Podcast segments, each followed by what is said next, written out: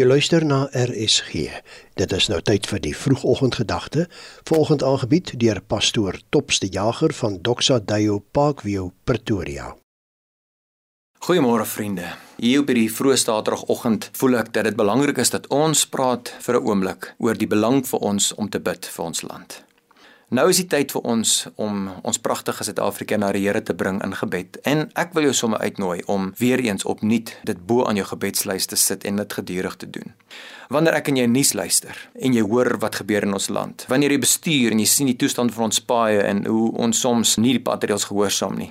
Wanneer jy iets beleef wat jou ontstel, wat is ons eerste reaksie? Is dit waar ons die mense verwens of wat ons bekommerd raak oor die land of is dit dat ons dan begin bid? En hoe bid ons? En wat doen ons? In daai oomblik wanneer jy voel, Here, het U hierdie land vergeet of is U nog hier? Dan moet ek en jy bid vir hierdie land. Jeremia praat met die Israeliete, die profeet Jeremia, terwyl hulle in ballingskap was en hulle 'n moeilike situasie beleef.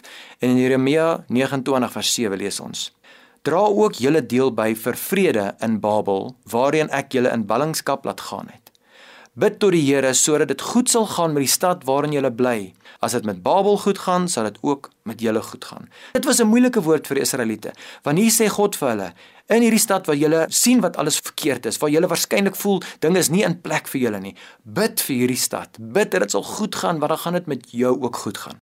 In 1 Timoteus 2 vers 2 en 3 lees ons waar die opdrag gegee word aan hierdie jong leier van die kerk en hy sê bid so vir konings en alle ander in gesagsposisies sodat ons in vrede en rustigheid, toewyding en eerbaarheid kan lewe. So is dit goed en aanneemlik vir God, ons verlosser. Ons word gevra om te bid vir ons land, bid vir die wat aan beheer is van ons land. Nou hoe bid ons? Eerstens dink ek, ons moet bid vir ons leiers bid vir goddelike wysheid dat hulle besluite sal maak wat stryk met God se koninkryk en wat in die Here se beste wil is vir hierdie land.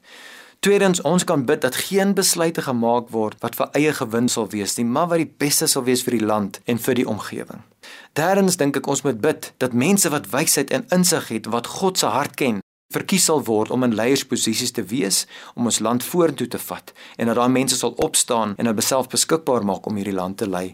En dan laastens bid ons dat mense wat regtig God ken en hom volg, sal opstaan om saam met ons te bid. Ek wil jou uitdaag in hierdie dag Mag jou eerste reaksie wanneer jy probleme in ons land sien nie wees om benoud te wees nie, maar om te bid. Hoekom? Wanneer ons bid, is dit 'n lig wat jy aansteek en lig verdring duister. Onthou, dit maak nie saak hoe donker 'n kamer is nie, as jy een kers aansteek, dan verdring dit daai duister en hoe meer kersse aangesteek word, hoe meer hardloop die duister weg. So wanneer ek en jy bid vir hierdie land, is dit 'n lig wat ons aansteek. Gebed en aanbidding voor die Here is jou en my beste manier om hierdie land na die Here toe te bring. So mag hierdie dag 'n dag wees wat ons saam bid en die Here vertrou. Here God, ons kom na U in hierdie oomblik en ons bid vir Suid-Afrika. Mag ons aanhou intree dat goddelike mense goeie besluite sal maak in die naam van Jesus. Amen. Dit was dan die vroegoggendgedagte hier op RSG, aangebied deur pastoor Topste Jager van Doxa Deo Parkview Pretoria.